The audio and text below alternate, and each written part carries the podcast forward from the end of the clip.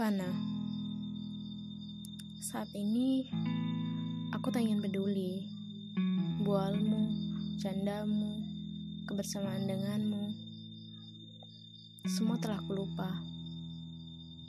Ku taruh saja di saku kenangan. Sesak jika kau tahu. Tak tampak memang, karena hati bukan kaca.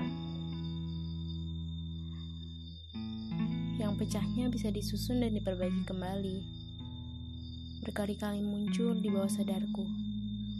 Membawa cerita untuk dikenang. Cerita yang kau tulis di halaman kisah-kisah. Hingga aku tak sadar dan terlena. Semuanya tak ada yang tersisa. Wah, benar-benar fana. Bukan membenci, hanya saja belajar melupa. Selamat tinggal, Fana.